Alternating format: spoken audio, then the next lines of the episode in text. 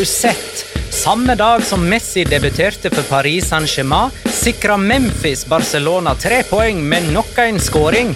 Atletico Madrid fortjente seier mot Villarreal, men var griseheldige som klarte uavgjort.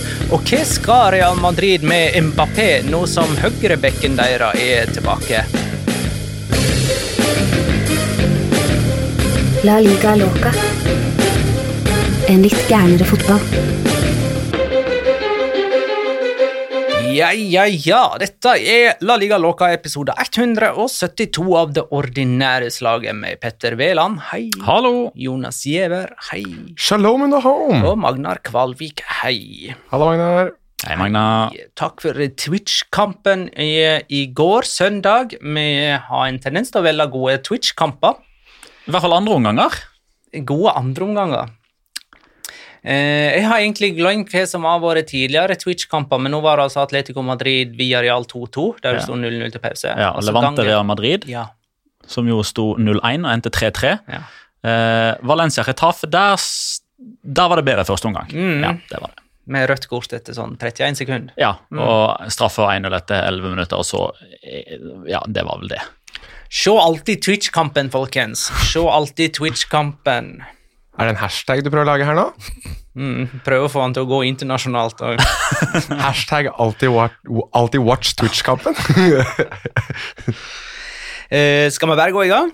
Ja, Det er ikke mandagskamp eh, denne runden. Eh, på Åh. grunn av landslagsveka, så nå har vi faktisk oversikt over hele eh, runde nummer tre. Det som pleier å skje mens vi sitter i studio og spiller inn en episode, er breaking news på overgangsfronten. ja. Eh, sist gang så var vel det Alexander Sørloth forrige uke. Eh, Ja. Ja, det var, ja, det var vel eh, Jeg kjørte vel inn i tunet når jeg holdt på å glemme å bremse. Når jeg fikk en WhatsApp-melding fra eh, godeste Jonas Giæver der det sto med blokkbokstaver 'Alexander Sørloth til Lareal!' Utropstegn, utropstegn, utropstegn, utropstegn. Da var du på vei inn i tunet etter å ha spilt inn Ja. mandagens episode. Ja, jeg holdt på å parkere hjemme. Ja, det er på mandag det skjer. Det skjer sikkert noe snart. Skal vi vende Ja, vi sitter Skal vi snakke om Mbappé i Real Madrid og hvilken tilvekst han har? Bare sånn i, i tilfelle han blir signert nå? Er det ikke noe sånn Jeg leste et eller annet sted at uh, de har fått uh, frist til klokka seks. Altså mandag klokka Nå er klokka Idet vi sier dette, så er klokka ti over fem da, mandag, og Real Madrid skal ha gitt Paris Saint-Germain frist til klokka seks. Så mens vi sitter her, så kan det jo være at det kommer noen greier da, i så fall. Men hvilken tilvekst han blir det er, Han blir jo ligaens beste spiller, da. Nja, men Og stjerner og alt mulig. Men dette tar vi, eh, dette tar vi Twitch-spesialen vår i morgen. Ja. For det kan vi jo si først som sist, sånn at folk bare får det med seg. Fra klokka 18.00. Twitch.tv slash laligaloca-pod. Så skal vi tre, eh, og kanskje noen som vil ringe underveis, hvem veit, sitte og diskutere alt av eh, overgangens nytt. Primært i Spania, men skjer det noe gøy andre steder, så tar vi det òg. Ja, Norsk fotball uh, stenger, vindu stenger jo der òg. Stenger overalt, faktisk. Mm. Eh, Og hvis ikke vi er i gang på Twitch klokka 18, så er det fordi at vi ikke rakk det, eller det var et eller annet teknisk problem, eller Høres ut som oss, det. Ja. Patreon.com for øvrig, eh, slash eh, La Liga Loca, så er det gjort òg. Vær så god, gå inn der. Skjer det noe der eh, tirsdag kveld? Ja, vet du hva, det gjør det faktisk. Eh, Du kan lese skråblikk på La Liga runde tre, for den er på vei nå. eh, Der jeg prøver å være morsom. Det pleier ikke å gå så veldig godt, men eh, du får i hvert fall litt oversikt over hva som har skjedd i noen få setninger. For de som lurer på, spoiler alert, i føljetongen har broren til Yasin eh, Faker debutert i La Liga. Svaret er nei. Ja, og så kan jeg òg eh, bare komme med en lovnad, for da forplikter jeg meg sjøl til å gjøre det i kveld. Eh, Senest i morgen formiddag så kommer det en oversikt over hva man forventer skal skje på overgangsmarkedet og i de 20 La Liga-klubbene. Sånn at man vet hva man har å glede seg til. Da tar vi runde nummer tre, kamp for kamp. Mallorca Español 1-0. Dani Rodriges matchvinner i duellen mellom to av de nyopprykka lagene. Mallorca har sju av ni poeng og deler dermed topposisjonen i eh, La Liga med fem andre lag. Så de er, på, de er på delt førsteplass som nummer seks. Faktisk. eh, er fremdeles uten seier, og de er det eneste laget uten mål. Det har til sammen blitt skåra ett mål på deres tre kamper, og det målet kom altså her, eh, av Dani Rodriguez for Mallorca. Og Oskar Nessheim spør hvorfor skåra ikke Español? Nei. Godt spørsmål, for de har jo definitivt folk som er kapable til å gjøre det. Raúl de Tomàs viste til gangs i sekunder, og viste det òg spesielt i begynnelsen av Español-oppholdet, da han ble henta inn i januar 2020 for å være redningsmann. De har Javi Puado, som var strålende i sekunder forrige sesong, som òg var en del av U21 eh, og OL-troppen til Spania nå i sommer, så jeg syns det, det er veldig rart. Synes det er veldig rart. Det, det knyter seg. Kanskje litt sånn eh, Jeg vet ikke om vi skal legge det for mye på Vicente Moreno, for jeg synes i alle fall i de to siste lineupene så har det vært ganske offensivt preg på det. sammenlignet Sammenligna med den første. Den var litt sånn han var litt kjedelig, den startelva. Da var det sånn doble lateral og doble pivote og safety first. Men mot Viareal Villarreal og mot Mallorca så stiller de jo med Adrian Mbarba, de har uh, Raúl de Tomàs, de har Javi Puado uh, og Landry Di Mata. Det, det er spillere som skal klare å skåre mål i løpet av 270 minutter. Mm. Det snur snart for Spanjol. Jeg tipper de på 11., ikke med? Jo, det er typisk det. At vi har satt dem skyhøyt, og så går det ikke så bra. Det er ikke skyhøyt. Det går akkurat sånn. Eh, Valencia Alaves 3-0. Daniel Wass, eh, Gonzalo Gedes og Carlos Soler skåra for Valencia. Sistnevnte har skåra i samtlige tre seriekamper. Og Valencia er blant de seks lagene som har sju poeng. De har ikke hatt en så god sesongstart siden 2014, Men nå er Spirito Santo som trener. Hvordan Eh, endte det da? Hæ? Hvordan endte det da? Eh, Fjerdeplass. uh, jo, det var Jo da, riktig. 14-15-sesongene. Um, Alaves har null poeng og deler skjebne med Retafe i eh, så måte. Um, Berge Utby uh, spør jeg, er Omar Alderete den nye Garay og er Gonzalo Gedes den nye Gedes fra 17-18-sesongen? Kan Valencia faktisk kjempe om Europa med Bordalas bak rattet? Og det er litt moro å stille sånne spørsmål nå før ballongen sprekker, da. Ja, altså, vi må benytte muligheten her. Ja, må nok det. Men, men det var jo som eh, Jeg husker dessverre ikke brukernavnet hans eh, i går, men underveis i Twitch-kampen så var det jo en som sa ja, det er seks lag som ligger på delt eh, jeg si, tabelltopp med sju poeng. Det betyr at Atletico Madrid og Real Madrid de er jo liksom, de er på førsteplass, delt førsteplass, er i rute. Valencia seks poeng over nedrykk. Det er riktig.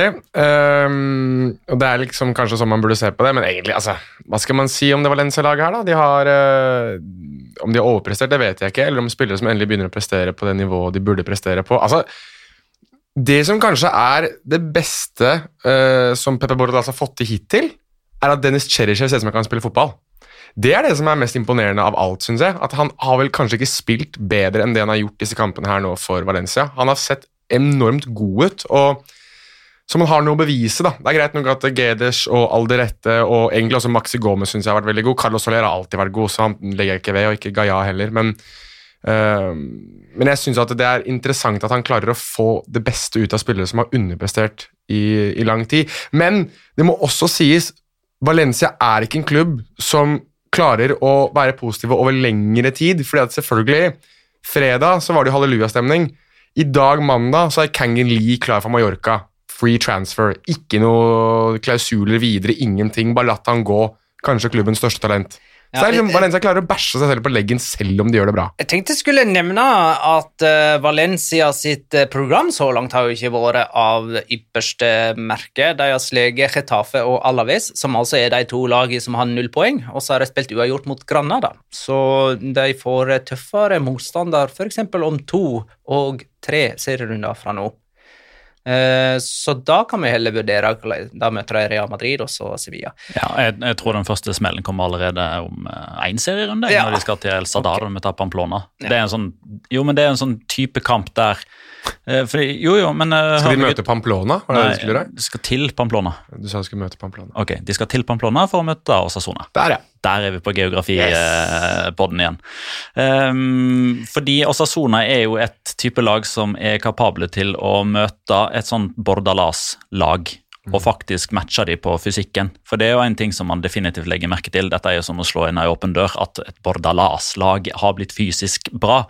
Eh, men det at de ikke slipper inn mål i løpet av de to første heimekampene, er jo òg noe som de selvfølgelig må ta med som noe positivt her, eh, Valencia. fordi det stoppa paret som har fått spille sammen i tre ganger 90 minutter nå, Alderete Gabriel. Det ser bra ut, altså. ja, gjør det.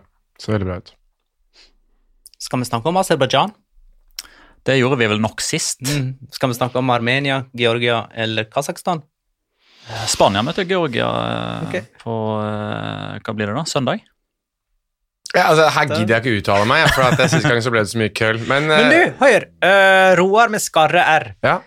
Uh, det var ikke han. Ah, Vi kommer tilbake til han senere. Jørn Henland. Hvorfor i all verden blir Kang In Li gitt til Mallorca? Ja. Petter sitter og rister på huet, og det kunne egentlig jeg gjort òg. Og det det virker som, da, er jo at man har slitt med å fornye Kangin Lee på kontrakt. Det er nå én ting. Og Valencia, som ikke virker som det er noen som er hjemme på kontoret, virker å ha gitt opp det, selv om han har et år igjen av avtalen sin. Og så snakkes det om at Valencia vil da ha en åpen plass i eh, troppen sin, så de eventuelt da kan signere en ny spiller. Det er jo snakk om at eh, Dimitri Fouquier kommer inn. Da har du én plass igjen hvis han kommer inn, og den nå, da, med tanke på at eh, Kangin er borte, så har du én plass igjen, og den er det jo spekulert i om kanskje Geneda Konam tar, fordi at man har lyst til å kjøpe ham fra Getafe. Problemet her er at eh, Valencia virker som om de har gjort alt de kan for å åpne den ene plassen, og når de da ser at Kangin Lee ikke virker å være altfor fysen på å signere en ny avtale, så har Valencia da trykket på en eller annen form for nødknapp her og gjort det de kan for å få ham ut, fordi at de vil ikke ha en spiller som er misfornøyd heller. Um, og her lurer jeg bare på om er det noen som skjønner altså, hvordan fotballoverganger fungerer. Altså, jeg er ganske sikker på at Mallorca hadde sikkert betalt i hvert fall Ok, vi kan ta den gratis, men vi, dere får noen prosenter hvis dere selger den videre. For eksempel, da, bare at det hadde vært en, en løsning på det sånn. Men her er det rett og slett Valencia som bare har sagt at eh, Nei da, vi bare betaler deg ut, og så kan du gå. Vær snill, gå, gå, gå, gå, gå, gå, gå. Vi vil ikke ha deg her mer. Og, det, og det er liksom det er, det, det, det, jeg, Ja. får, jeg får Isco-følelsen av det her, da. For Ja. Valencia gjorde det med Isco også. Ja, og det er jo heller ikke sikkert at Valencia har eh, behøvd å betale han ut, for dette her har de åpenbart sant. kommet til enighet eh, om. Men jeg bare tenker at eh, på et eller annet tidspunkt så kommer sannheten til å komme for en dag her. Enten Valencia sin versjon eller Kangin Lee sin versjon, og så er det antageligvis to ulike versjoner, og så vet man aldri helt hva man skal stole på. men eh, her syns jeg det er nesten helt uunngåelig ikke å tenke at eh, enten så har det blitt gjort noe, eller eh, primært blitt sagt noe. Eh, av noen i en form for forhandlingssituasjon som har gjort at man har kommet til en sånn point of no return. Dette, Ja. dette går rett og slett ikke. Eh, der er det vanskelig å vite sannheten før noen snakker, eh, og da selvfølgelig, eh, som jeg var inne på, de kommer sikkert til å ha to ulike versjoner av hva som faktisk har skjedd, men det er jo sånn, man, man bruker jo ofte den der klisjeen med 'hold my beer'. Men da er det jo gjerne eh, noen som overgår noen andre. Altså Her, har- her har jo Valencia sittet med øl, eh, ølkassen i høyrehånda og bare lagt den over i venstre. Sitter i kjellerleiligheten Jo, men altså, her, Hold my own beer, Ja. liksom. Altså, Du setter bakkerekord i Planica, det neste du gjør Men Nei, sikte Vikersund, jeg får hoppe enda lenger ned i det grottehullet som jeg er på vei ned i. Altså det, ja, nei, men det er som, Det du sier da, Petter, er at ja, det kommer to ulike versjoner, men du kan, kan ta deg faen i at ingen kommer til å tro på Valencia uansett. For at det her har de klart å gjøre gang etter gang etter gang etter gang etter gang etter gang, etter gang uansett. Ja, eh, Kang ut Lee. ja, ja, fin. Uh, men, men det som jo er Altså, Valencia har jo gått fra å behandle Kang Gin Lee som et av verdens største fotballtalenter, Hvilket han var! som, som han var, og, og som han er. faktisk er. Han er jo ikke mer enn 20 år gammel. Eh, de har markedsført han tungt som den nye ditt, den nye datt. Eh, han har vært på, på forsider, han har vært eh, på draktlansering. Han skulle liksom være den neste store som skulle lede dette Valencia-prosjektet. Og, og da er det antageligvis noen da i styret til Valencia som er oppriktig butthurt for at Kangin eh, nok ikke har vært like keen på å være den posterboyen, antageligvis fordi han, han ser eh, retninga til klubben. Han har sett valgene klubben har tatt før, Ferran Torres eh, f.eks. Men det som jo er helt utrolig, er at man går fra å ha det synet på Kangeli til rett og slett bare å rive kontrakten i stykker uten å sikre seg noen form for videresalgsavtale. Så Super Deporte skriver her at eh, Mallorca var villig til å gi 10-15% til Valencia av et eventuelt videresalg, som de nå ikke gjør. Eh, Så hvis Kangin Lee har den utviklinga som man kanskje tror og håper da, de neste to årene i Mallorca og blir solgt for jeg vet ikke, la oss, si, la oss være litt forsiktige, da, 30-40 millioner euro. Du syns ikke det er urealistisk i det hele tatt. Da kunne Valencia fått eh, 4-8 millioner euro da, hvis de hadde spilt kortene sine riktig. Eh, så det, det er liksom det, det, det, det er altså så dårlig klubbdrift at jeg har ikke ord. eh, Kang In Lee og Takefusa Kobo på Mallorca, da. Eh, Det er gøy, to eh, supertalent fra Japan og Sør-Korea på begge 20 år. Vi har jo hørt om dem i mange år nå, så ja, kanskje de kan blomstre sammen. Utrolig gøy, for da får man jo en uh, sørkoreaner og en japaner på banen samtidig. Etter alle solemerker. Det kunne jo eh, Mallorca ha gjort eh, for to sesonger siden òg, for da var jo Takefusa Kobo på lån, Ja. som han er nå. Da hadde de jo Ki Sung-yung, eh, som var i Swansea og Mallorca. Han var jo på utlån til Mallorca den ene perioden. Han spilte én kamp. Jeg skal akkurat si, jeg Han, kan eh, ikke huske han var der engang. Han fikk ni minutter bortimot Eibar. Da kom han inn for Takefusa Kobo. Så da spilte de aldri Jeg kan sammen. ikke huske at han var der engang. Jo da, ok. Spørs om du så Eibar Mallorca den sesongen. Så du ikke Eibar Mallorca? Ja, det- det var- 1-2 uh, Kubo skåra jo. Det verste er at jeg mest sannsynlig så den kampen. Det er, Men jeg skjønner godt at du ikke husker den. Celta Vigo Athletic 0-1. Inyaki Williams matchvinner med sitt første mål for sesongen. Celta Vigo står fremdeles uten seier. De har hatt to skudd på mål til sammen på sine tre seriekamper. Eh, og det er bare to måneder til november. Jeg minner om at de nå tre år på rad har sparka treneren sin i november, og de møter Real Madrid borte i neste runde. Dette ser ikke bra ut. Nei, jeg vet ikke helt hvor man har de lenger, jeg, da. Celta Vigo er jo eh, klubben som er den omvendte versjonen av Cesc Fabregas.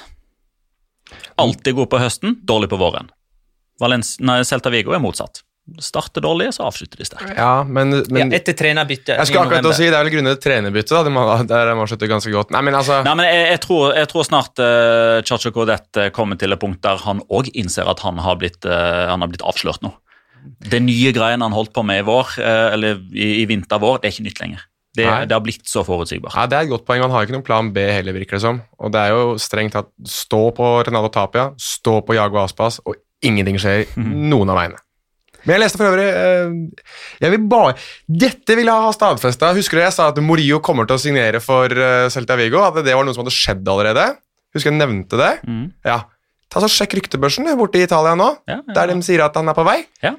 Nettopp. Jonas Stradamus er Ja, Vi tilbake. får se, da. Vi får se i morgen, da. Hva var det du spådde hva for noe? Jeg sa at uh, Morillo, som var på, på lån i, i uh, Celta i fjor, at han kom til å komme tilbake igjen til uh, Eller at han hadde signert for Celta. At jeg mente jeg hadde lest det, altså Jason Morillo.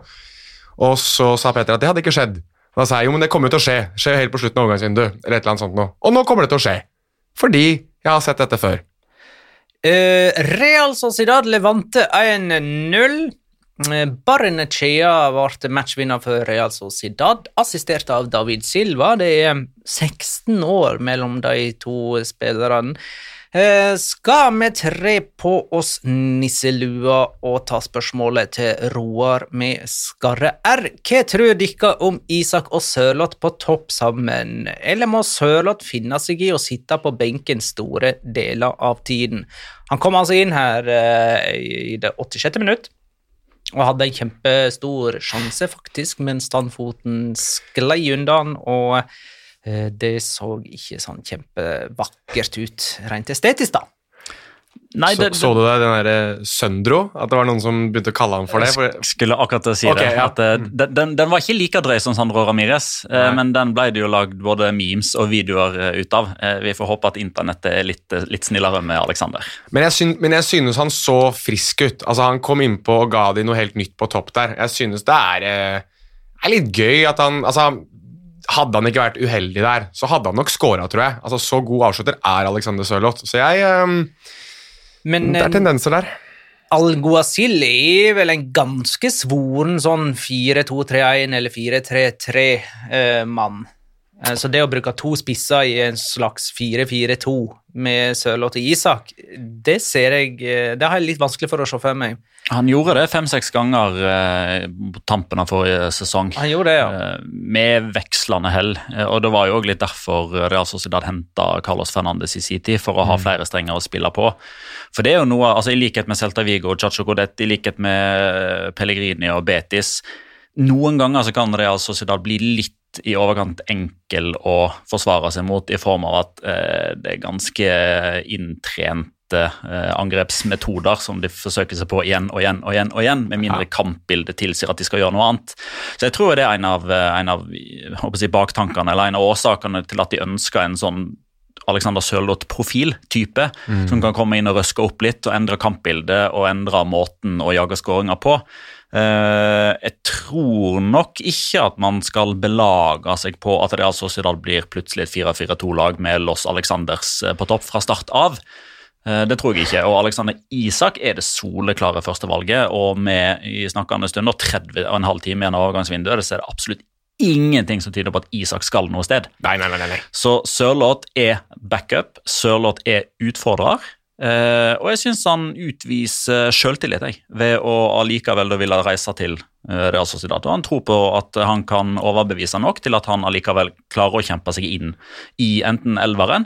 Eh, men så skal man jo heller ikke glemme at eh, Real Sociedad skal spille i La Liga, de skal spille Copa del Rey og de skal spille i Europa League. Eh, det kommer til å bli godt med spilletid så lenge han presterer bra.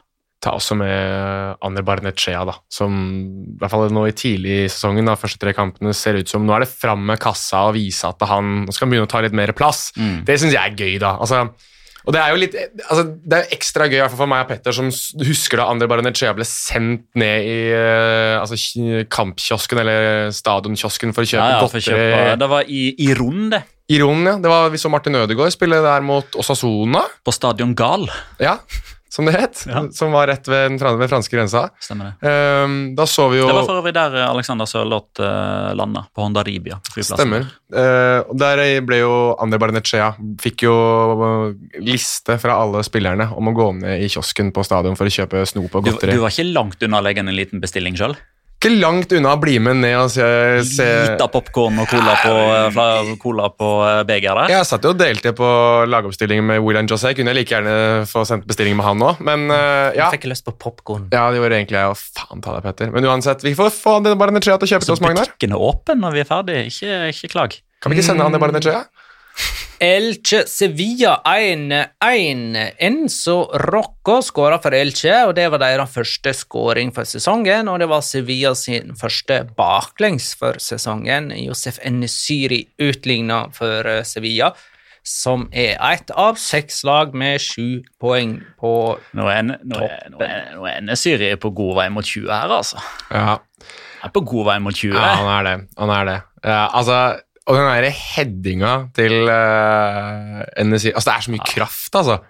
Det er sånn Når han liksom kommer opp der og stanger den i mål. Jeg blir så åh, jeg sånn, sånn Sånne type headinger blir jeg sånn Jeg blir nesten litt sånn Kjenner adrenalinet pumpe litt selv altså, når jeg ser det. Uh, så det, det er gøy. Og så er det jo gøy å se at uh, Enzo Rocco, den chilenske stopperen, som het noe annet før Han hadde et annet etternavn før, jeg kommer bare ikke på hva det var. Han har bytta.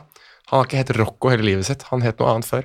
Da han spilte i Chile. Uh, gøy å se at han plutselig har gjort sitt inntog i Christian Bergarneks rike. Altså, Ifølge Wikipedia da, eh, så heter han nå Enzo Pablo Rocco Rocco. Men han er født som Enzo Pablo Andia Rocco. Andia. Han, han brukte Andia før. Enzo Andia. Jeg er Ja. ganske sikker på at jeg, det navnet er riktig. Så da har vi da altså hoveddommer Hernandez Hernandez, og så har vi VAR Gonzales Gonzales, og så har vi midtstopper Rocco Rocco. Alexander, nei, Alexis Sanchez, som heter Alexis Sanchez Sanchez, hvis han kommer tilbake til La Liga. så Ja. Og et mulig spisspar i Real Sociedad, da. Alexander og Alexander. Gå videre, Magnar. Vær Sevilla. Vær så snill. Sevilla med poengdeling, den kan vi ta. Var ikke det en Sisi og en Nono i Jo, begge spilte på Betis. Ah, ja, Betis. Ja, og Osasuna. De var faktisk i Jo, og eh, Sisi, Nono og Lolo. Og for Rayo denne runden så spilte BB. Som skrives med to b-er. Ja, gjør det. Eh, Nei da. Ble han BB? Var han Spans beste? eh, hvem da? Jeg tror ikke, Nei, jeg tror ikke BB har vært BB noen gang i sitt liv. Det ble han ikke. Nei. Real Betis Real Madrid 0-1. Dani Carvajal, matchvinner for Real Madrid, som har starta sesongen med tre strake bortekamper, og de har tatt sju poeng. Real Betis på sin side har enda ikke vunnet. Barcelona Getafe 2-1. Sergi Roberto skåra i det andre minutt for Barcelona. Det er faktisk hans andre skåring allerede denne sesongen. Sandro Ramires utligna med sitt første mål for Getafe mot gamleklubben sin. Mens- Memphis Depay ble matchvinner med poenggivende skåring i andre kamp på rad. Eh, Cádiz og Sassona 2-3. Mm, Her leder Kadis både 1-0 og 2-1, og tapte altså 3-2. Eh, Og Sassona skåra både 2-2 og 3-2-målet på overtid. Og de hadde altså bare spilt 0-0-kamper før eh, dette oppgjøret. Og det ble tre straffespark for hens i denne kampen. Kadis er inne i det vi kaller den vanskelige andre sesongen, og det ser jo ut som mer enn bare en teori, det der, for de er blant laget som til gode å vinne. Dette var jo en kamp vi ikke fikk sett. Han gikk samtidig med Rayo eh, Granada, som jeg så, eh, og så var vi jo, satt vi og gjorde oss klare til Twitch. Men eh, ja, Kan- så skjedde jo det meste på overtid. Kan jeg stille Jeg har ikke fått med meg dette, men er altså det het, Stadion het jo Stadio Ramón de Carranza før, for Cádiz. Nå heter det Nuevo, Nuevo Mirandia. Har det, er det noe som er nytt, eller er det noe Dette som har vi noe, Petter nevnt noen noen nå. ganger har nå. sagt i hvert fall tre ganger. Ja, nei, det er de gangene jeg ikke gidder å høre på deg. Kan du si det en gang til? Vær så snill. Por favor. Hva som er grunnen? Ja. Nei, det er altså Stadion er jo eid av eh, kommunen, eh, og eh, var det 25 år siden da at de tok Ramón de Carranza, og da skal det byttes ut med jevne mellomrom, sånn at de ikke har det samme navnet hele tida. Så 24. juni, så etter en eh, votering, så har det blitt kalt for Nuevo Mirandia. Avstemning, som vi kaller det på norsk for øvrig. Votasjon. Jeg vet, det du I know what you're doing. Rayo Vallecano Granada 4-0. Rayo starta sesongen med to tap på to bortekamper uten å skåre. Når de endelig spilte hjemme på Vallecas, så rant det inn med mål. Det sto jo 3-0 til pause. En triumf der altså for Andoni Iraola. Eh, Mens Robert Moreno fremdeles venter på sin første seier med Granada. Jeg synes eh, Rayo Jeg har vel sett alle kampene deres, og de spiller god fotball, altså. Det er morsomme å se på. Jeg synes Rayo er Nå fikk du litt uttelling òg, da, men altså, jeg synes Andoni Raiola har, eh, virker som han har noe ordentlig glupt ved seg. Han hadde jo også gått lag med Mirandes, og fikk jo mye Jeg leste første gang om ham, hvordan han hadde begynt å jobbe på treningsfeltet da han var i New York City, av alle steder. Og det virker som han er eh, en litt sånn mm, trenerspire, så vi får håpe at det blir mer eh, skal vi si mer Pep Guardiola enn f.eks. Pablo Machin? Vi har jo sittet her og ut, utlovet han som en stor trenerspire òg, og hvor er han? Det vet ingen, knapt han selv. Uh, mens Robert Moreno igjen klarer å se ut som Altså, han, han har det verste dra-til-trynet i hele La Liga. Jeg kan ikke fordra det trynet til Robert Moreno. Det er et dra-til-tryne, det, altså. Du liker ikke ansiktet Jeg vet ikke, Magnar, men jeg, jeg får bare lyst til å sende han i gulvet. Kan jeg, kan jeg ikke få lov til det? Det er en holdning eh, La Liga Loca som helhet kan stå inne for. Nei, det- jeg- nei, sett det kun på meg. Han Eh, ser ut Han har et dra-til-tryne. Det har han. Det må være lov å si. Nei Han er helt uh, ordinært tryne. Er det kun jeg som ser at det er et dra-til-tryne? Det er ganske subjektivt da, hva som er Er det bare du som jeg. ser at det er det?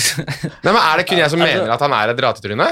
Det er et Et- begrep. Dette har vi vært dette Ja, ja, jeg, kjenner til begrepet, Ja. eh, og jeg lurer vel på Har ikke Emil Gukild sjøl sagt på NRK at han har et dra-til-tryne? Jo, Eh, men Erling Braut Haaland har sagt det om seg selv òg, at han har et dra-til-tryne. Ja, men når jeg ser på det Nei, jeg tenker ikke det samme.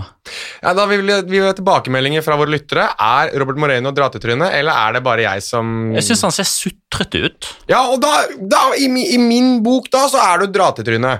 Han ser ut som han er Han ser ut som en kar som har fått alt sammen kastet dette seg hele livet, og nå går verden litt imot han. Fuck Laga en eh, poll på det, eller på Twitter? Lag den sjøl, du, Jonas. Ja, ta, ta det på din På min konto. private Ja, ja. ja, ja, ja. Tagger deg, Magnar, så du får alle mulige svar. Så du ser det. Telefonen din kommer til å være død i løpet av natta. Atletico Madrid Villarreal 2-2. Eh, Vi kan jo bønne her, eh, på en måte. En halvtime ut i podkasten med litt sånn eh, dypere analyser. Ja. Spørs hvor dypt det blir. Ja, det spørs, altså. Men 2-2 eh, der, altså. Jeg har omtalt det i mitt manus som rundens mest eh, uforståelige kamp, der Atletico altså fortjente å vinne, men var likevel griseheldige som fikk eh, uavgjort. Og Viktor Hallnes ber oss beskrive sjølmålet til Via Real med ett ord. Det var altså på overtid at Aisa Mandi hedda ballen forbi egen keeper og eh, i mål da, til 2-2, når Villarreal hadde eh, De leda altså 2-1 og hadde vel for, tre poeng inne for første gang på Wanda Metropolitano. Har ikke vunnet der. Nei, de har aldri vunnet der. De har vunnet på Vicente Calderón, men ikke på Wanda Metropolitano. Eh, må vi bruke et ord som står i ordboka, eller kan vi finne på et nytt det. ord Jeg visste det. for å beskrive det med ett ord? Ja, men skal vi ta det Jeg lurer på om du tenk, vi tenker det samme. Skal vi prøve, skal vi prøve det? Kan- kan jeg bli øh, telle til tre, og så svare på fire? Okay. Kan jeg bare stille spørsmål før vi gjør det? Slutter det på SK? Ja. Ok, bra. Nei, da, da kan dere svare. Det var ikke det jeg tenkte på. Men ok, én, to, tre. Emerisk. Å ja. Uh, ja. Jeg, jeg tenkte jeg skulle si emeri, uh, ikke emerisk. Ja, men men hvis da- man skal beskrive det, så er det jo emerisk. Ja, Ja. da var vi Ja, da, var vi, enige, da da. var vi enige. Emerisk selvmål. Bra. Nei, men Det er godt at uh, great minds think alike.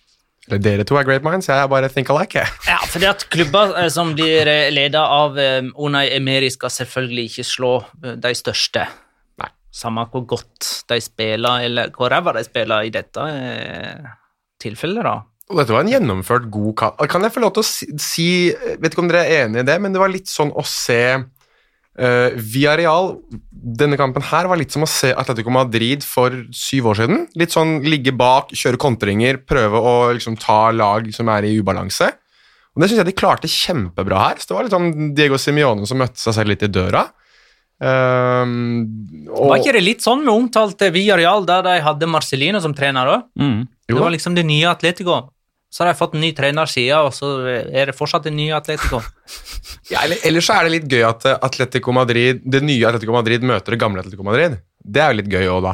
Og så klarer de ikke å håndtere det på noen som helst måte. Fordi syns spesielt den skåringen til Danjuma er eh, veldig sånn Atletico Madridsk fra gamle dager. Jeg har sett, jeg har sett, eh, jeg har sett, jeg har sett Diego Costa og Antoine Griezmann kombinere sånn før, ja. Ja. Han var Atletico Madridsk offensivt, altså Ja, fra ja, ja. det eh, Villarreal presterte, mens det var veldig u-Atletico Madridsk. Eh, det forsvarsspillet som, var, som førte på en måte til angrepet. ja, det er jeg enig med deg i.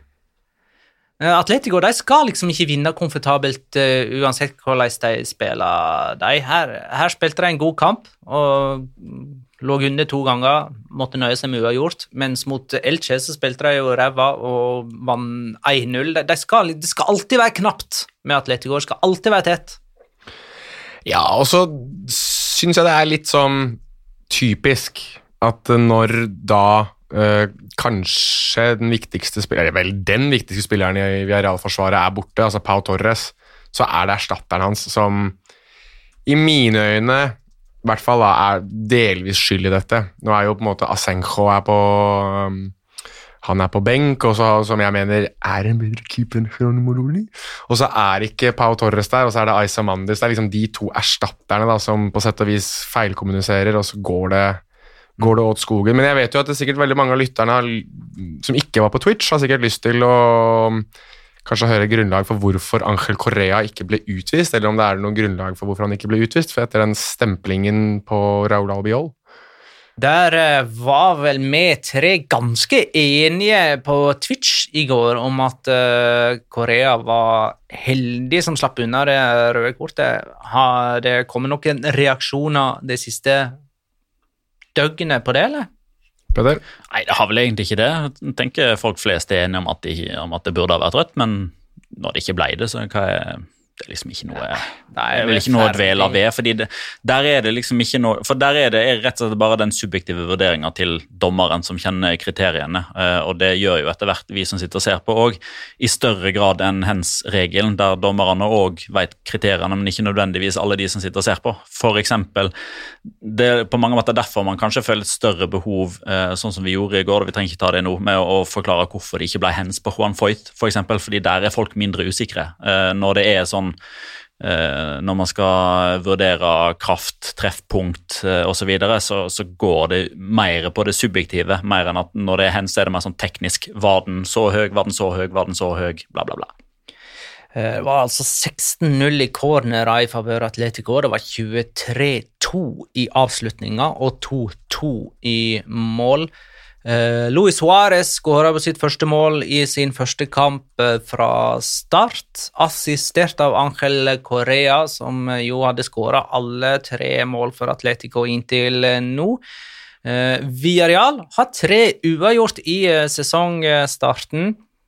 Eh, Trond Simen Mundal Nesse skriver det er nok ikke verdig en Locora, men likevel litt artig hvordan eh, Jeremy Pino inviterer til at målskårer skal feire med han og takke for assistenten ved, eller assisten da, ved begge skåringene, og så blir han oversett begge ganger. Det la jeg ikke merke til. Nei, det gjorde ikke jeg heller, men moro hvis så var tilfellet. Ja. Splid, splid i den spillergruppa der, altså. Han, eh, han er jo bare en 18 år gammel jypling, hvorfor ja, skal sant? han være med og feire Jeg så for øvrig at man? Trigero sa at eh, de, så- de, de reiser hjem med klovneansikt eh, etter den utligninga. Mm. Cara de payaso, liksom? Eh, nos vamos eh, con caras de tontos. Å ja. ja. Duster. Ja. Vi ut som duster! Mm, Real Madrid, da, for å ta de tre sterke poeng på Benito Villamarin, noe som betyr altså at Real Madrid har kommet seg gjennom sesongstarten med tre bortekamper eh, og sju poeng. Eh, nå skal de jo spille heimekamper òg, framover. Var det sånn at det var Celta Vigo som var neste på plakaten? Det var det. Real Madrid møtte Celta Vigo hjemme, ja. Ja. Det blir jo først, I- første kampen på Santiago Bernabeu. Det er bekrefta på Santiago Bernabeu Ja med det er det. 40 tilskuerkapasitet. Eh, Det kan, hende det endres. Jeg lurer på om det enten er det i dag, eller så er det eh, når vi får ny måned, altså når det er 1. september. Da skal man jo ta nye vurderinger basert på smittetall osv. Og med Kylian Mbappé. Ja, men uten eh, Kylian Mbappé, hvordan så, Real Madrid ut i denne kampen? Syns Venezia Junior var frisk den kampen her òg, jeg. Syns han var kjempegod. Ikke noe sånn, Greit nok ikke like banebrytende som mot Levante, men leverer nok en god kamp. Altså, Gjør seg ikke bort, eh, kommer seg ned til linja og får slått inn, og er vel egentlig bare uheldig som ikke har eh, i hvert fall Greit nok, Når du møter Martin Mantoya, så klarer vi nesten vi også å drible oss forbi etter hvert, men, men samtidig han han gjør seg ikke bort, og jeg syns han er eh, fresk. Men, eh, men Real Madrid stanger litt òg, da. De, de, liksom, de får det ikke til å stemme helt offensivt. Du ser at de mangler noe, og det er jo Igjen, Vi skal ikke gå inn på han så mye mer, for vi skal snakke masse om han i tiden som kommer òg, men jeg sitter med en sånn derre Hadde de hatt Mbappé, så hadde dette gått fint. Ja, eh, og Mbappé han er Real Madrid-spiller eh, til neste runde. Petter tror det, og jeg er litt sånn hm, hm, Og du, du tror Eh, Nei, eh, nei, jeg tror ikke det. Nei. Så da er vi ja, vet ikke og nei. Veldig bra. På Mbappé. Ja. Nei, jeg likte jo teorien din i går, Petter, eh, da Messi kom inn for Paris Saint-Germain. mm. så var det vel Neymar som ble bytta ut. Ja. Eh, Sånn at det ikke ble Messi, Neymar og Mbappé på, samtidig på banen. Og det mente Petter da eh, kom av at eh, man ikke måtte få det bildet av de tre på banen når det bare gjaldt en halvtime før sesongen uansett. Jeg tror vi er kommet dit at i fotballens verden så tenker direktører og sportsdirektører og eiere og presidenter på sånt. på image. Og det har man jo snakka om hele tida, at PSG er jo en klubb som bruker én ting, penger, for å oppnå en annen ting, image. Type godt. Bedre enn det eh, landet de kommer fra, eh, gir for øvrig. Dette begrepet kalles da Sportsvasking. Nettopp. Ja. Det skal ikke vi gå nærmere inn på.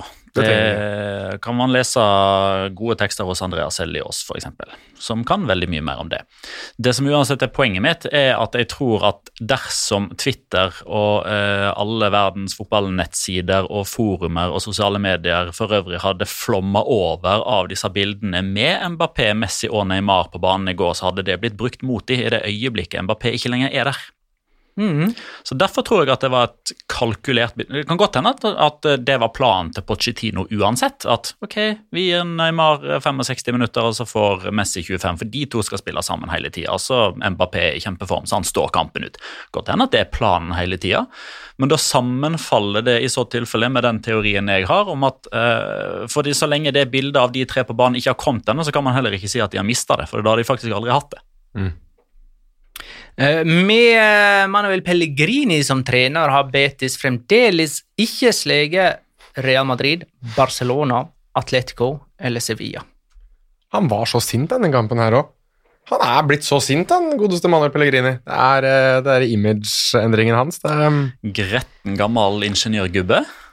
ja, nå har han blitt sint, altså. Et par anledninger der hvor han sto og virkelig sendte noen kraftsalver utover uh, langs sidelinja der. Det var eh, For den rolige, sindige chilener så virker det som det har kommet et eh, lynne vi ikke har sett maken til før. Eh, skal vi snakke om Barcelona, da? Som eh, vel, må vi si, halta seg til seier mot eh, Getafe. Koman gjorde jo defensive bytte på slutten her for å sikre seier, eh, noe som på en måte såra stoltheten til Barcelona-fans, som eh, mener at Barcelona ikke skal synke ned på det nivået. Eh, men mer positivt, da, så fikk Gavi, som er 17 år, eh, debuten sin. Um, og føyer gi oss inn i en rekke her, da. Nico Gonzales er 19 år og har debutert. Demir er 18 år og har debutert. Ansu Fati er 18 år og på vei tilbake. Pedri er 18 år og fast på laget, så rent eh, spillermaterialmessig. Eh, så ser det jo ikke Så ser det jo litt spennende etter Barcelona, da. Og når du sier det, så rapporteres det at Ilaish Moriba går til eh, RB Leipzig. Den er seig, altså, for deg. Ja, den er det. Men uh, den har de vel sett komme, og den har de jo på mange måter bare bestemt seg for å gjøre sjøl, da. Men det er klart det som er trist, det er jo bakteppet her, med at det er snakk om en 18-åring, det er snakk om agenter, det er snakk om eh, lobbyvirksomhet, pressmiddel, komanuttalelser. Altså det er, skal på ingen måte sammenligne det med Jonobi Miquel-hysteriet, men det kan skrives bok om den her òg. Ja, hva da, i grove trekk?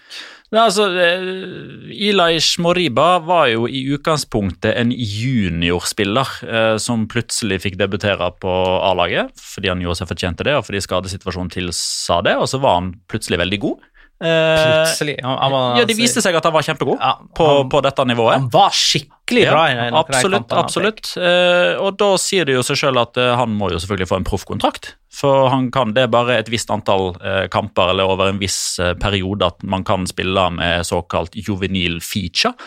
Eh, primært inn som B-lagsspiller. Han spilte jo med drakt nummer 28 hvis jeg ikke husker helt feil. Så han var jo aldri per definisjon A-lagsspiller og et fullverdig medlem av A-stallen.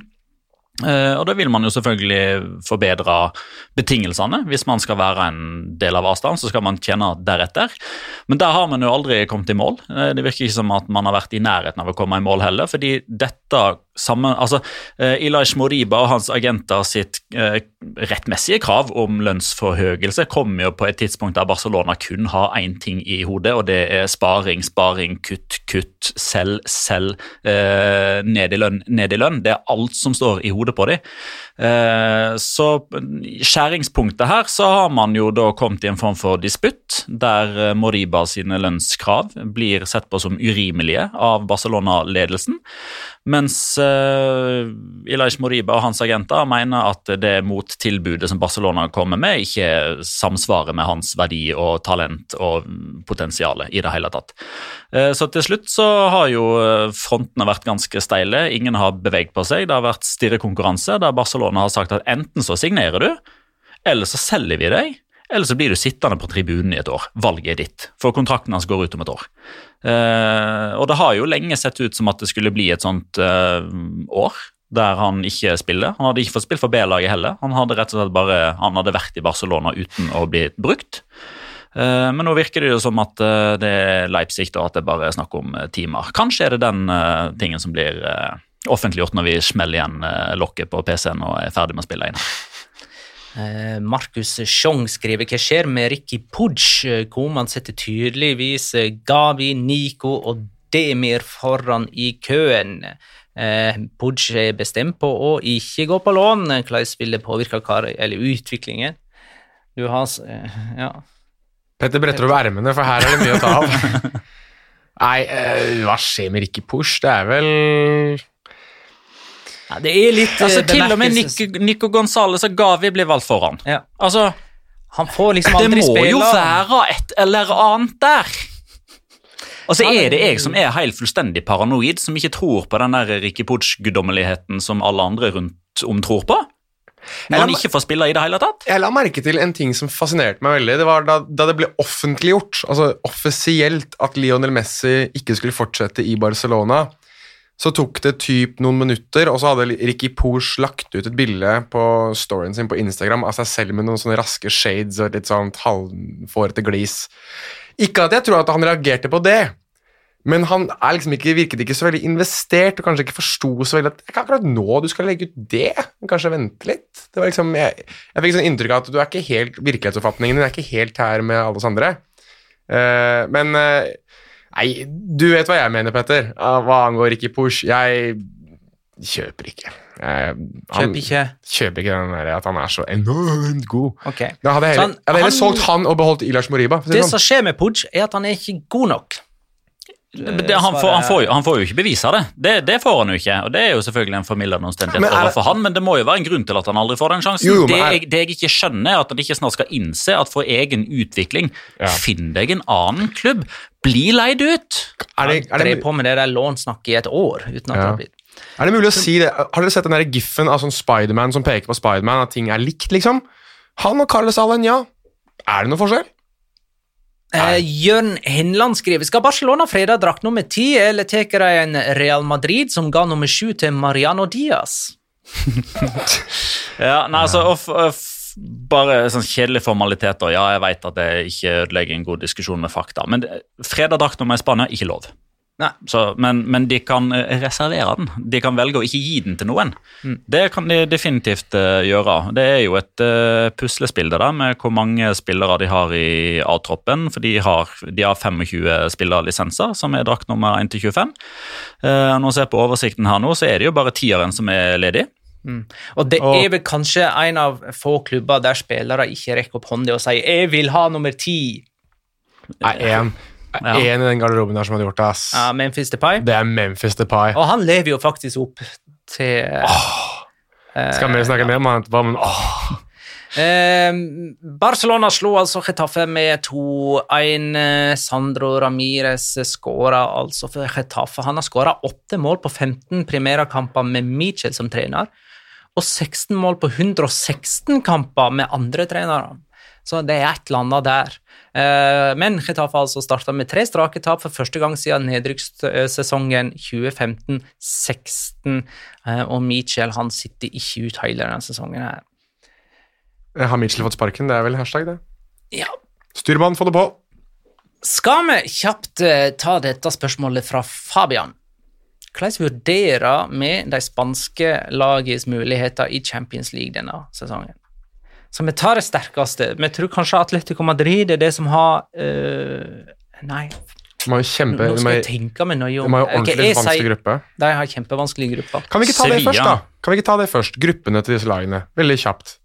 Det er, eh, Hvis jeg klarer å få de opp her, så skal jeg Ja, vi, vi begynner på gruppa til Atletico Madrid. Milan, Atletico Madrid, Liverpool, Porto. Ja. Hvorfor tok du det i den rekkefølga, egentlig?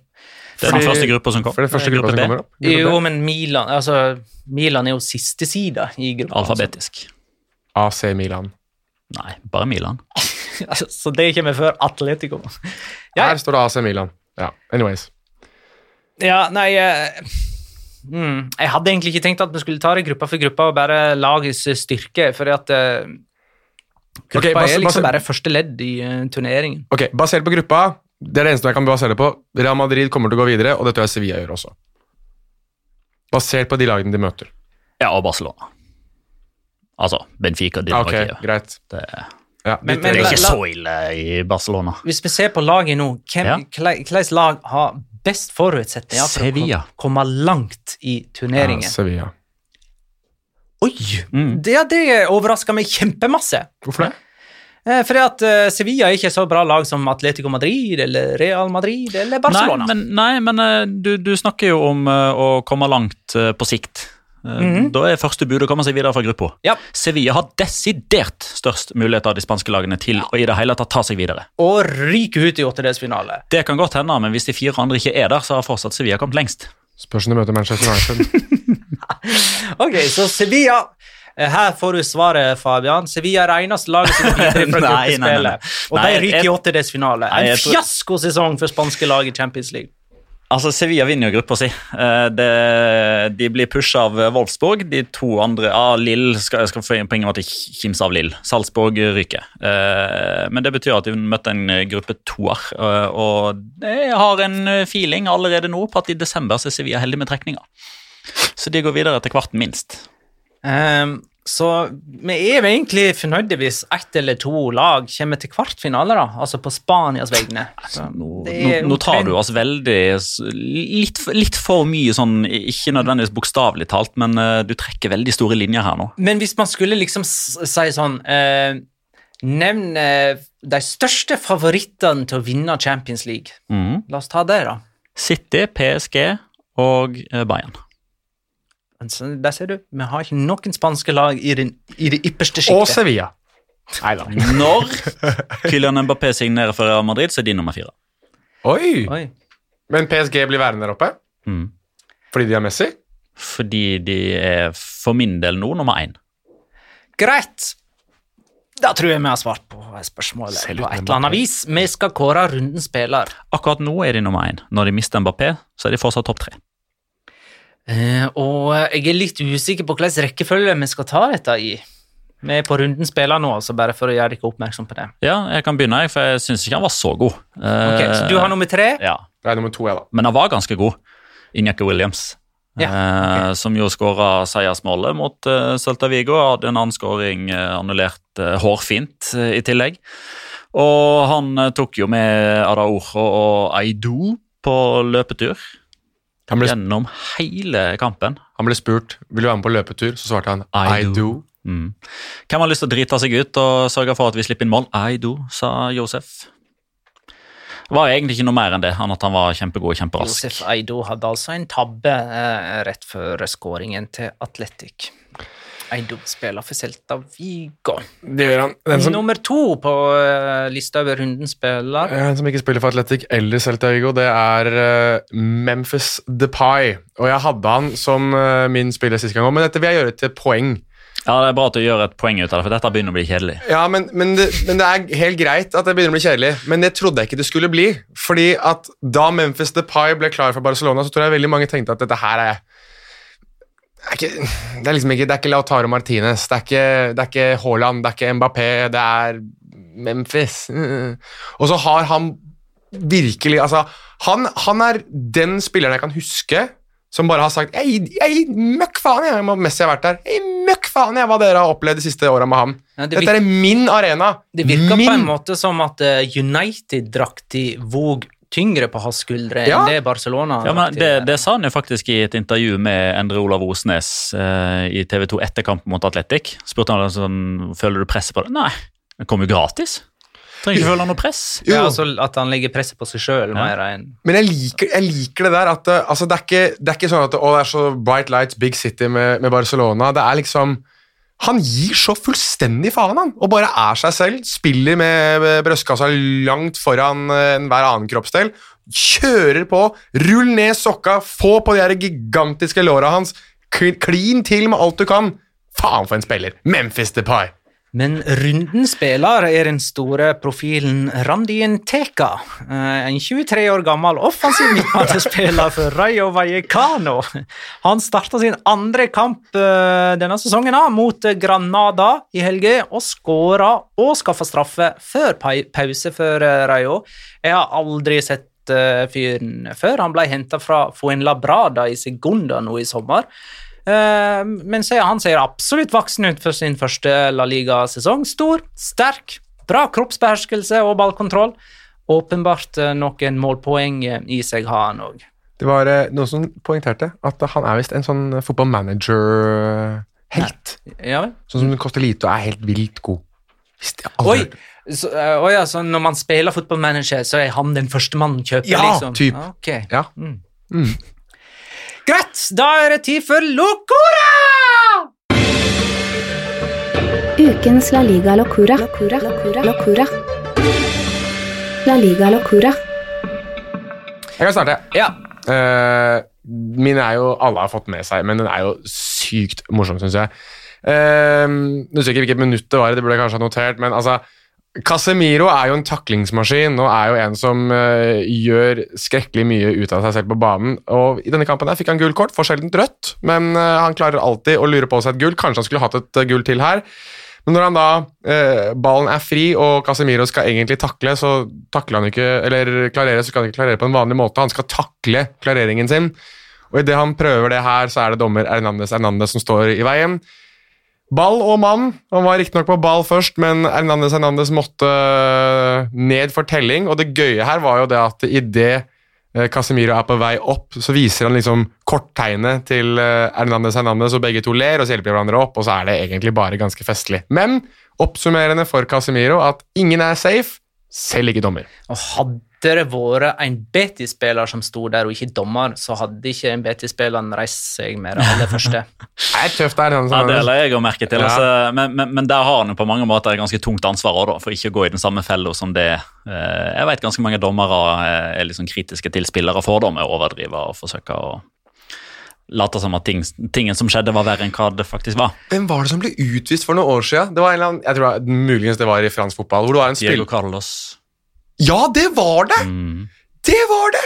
Som ble utvist da han uh, dulta borti dommer som kasta seg over Ja, de, ende. de, de snubla vel i hverandre. Eh, altså Diego Carlos, da, som spilte for Nant, uh, Ja. var jo på vei hjem for å avverge en kontring, og dommer var på vei i riktig retning for å se hva som skjedde. De løper i hverandre, uh, og Diego Carlos ble utvist. Stemmer det? Men ja, det røde kortet ble trukket tilbake. Så i- definitivt. Ehm, eh, min locora går til Inyaki Williams, egentlig bare som en sånn nære påminnelse om hans eh, borte versus heime statistikk Nå skårer han altså på Balaidos, hans første mål denne sesongen, kom selvfølgelig på eh, bortebane. Han har ikke skåra hjemme siden januar i La Liga. Han har 45 mål i La Liga-karrieren, og 30 av de har kommet borte. 15 har kommet hjemme. Faktisk så hører det høres faktisk masse ut med 15 heimemål på Inyaki Williams. Hver sesong så skårer han tre ganger så mange borte som hjemme. Mor- Moro. Eh, Jeg, had, jeg har en eh, Locora forberedt. Eh, Det som er så gøy, er at noe som har med den Locoraen å gjøre, skjer akkurat i det øyeblikket her, samtidig som det detter inn to andre Locoraer i feeden min på Twitter akkurat nå.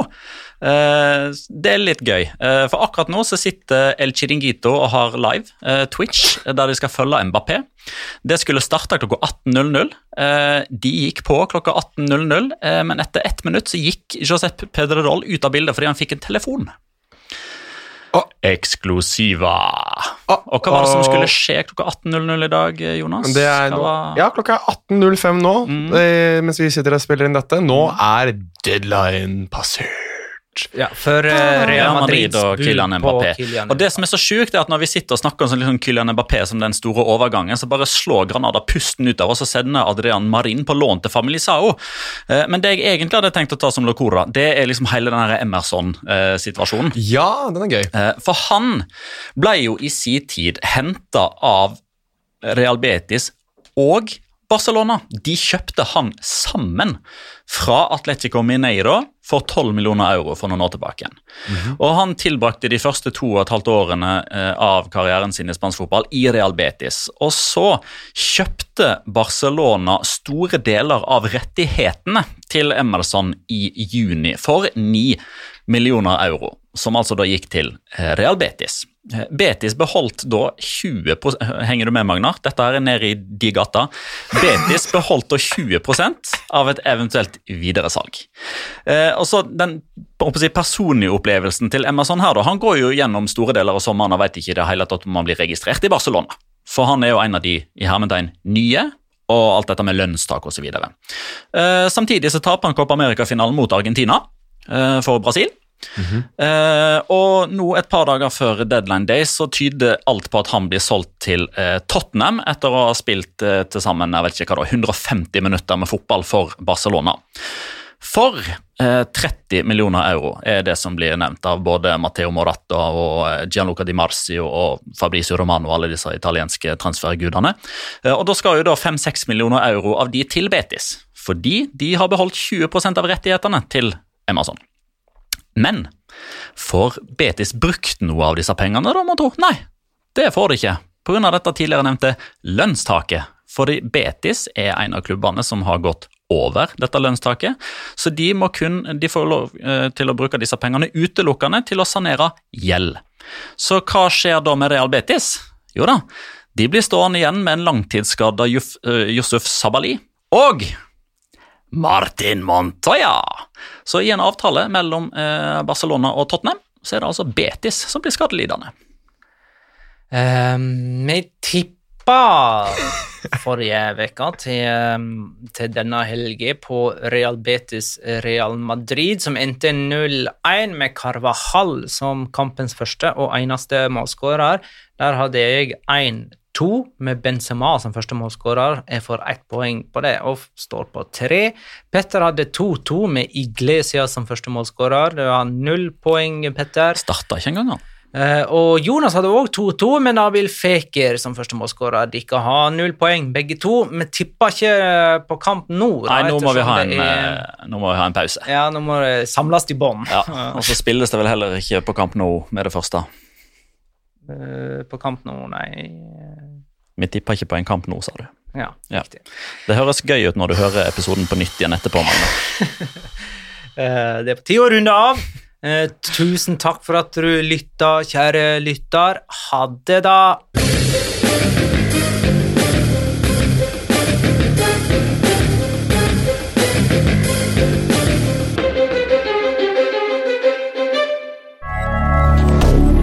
moderne media.